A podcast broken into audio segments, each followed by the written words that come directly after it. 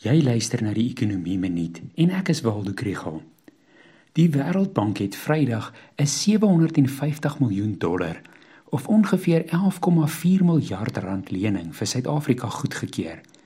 Die EFF proteseer en 'n gereelde luisteraar het oor die naweek vir my 'n paar vrae gestuur. Die eerste vraag is: Waarvoor dit gebruik gaan word? Dit vorm deel van die 2020 500 miljard rand verligtingspakket wat toe nooit soveel was nie. Maar dit is nie vreemd dat die regering geld leen nie. Hulle het reeds geld geleen by die IMF, die Afrika Ontwikkelingsbank en die Nuwe Ontwikkelingsbank. Die tesourier sê hierdie lening gaan gebruik word vir die stryd teen die pandemie en om die herstel van die ekonomie te ondersteun. Die tweede vraag is dan, gaan dit help om die ekonomie te laat groei? Dalk 'n bietjie, want dit is maar 'n baie klein inspuiting in die ekonomie.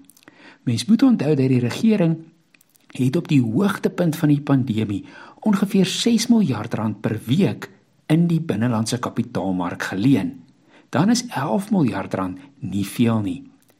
Ongelukkig is daar ander meer belangrike faktore wat ekonomiese groei beïnvloed op die oomblik. Onthou, hierdie week is die monetêre beleidskomitee se vergadering en hulle belangrike repo koers besluit. Die ekonomie minuut gaan jou op hoogte hou van al die nuus.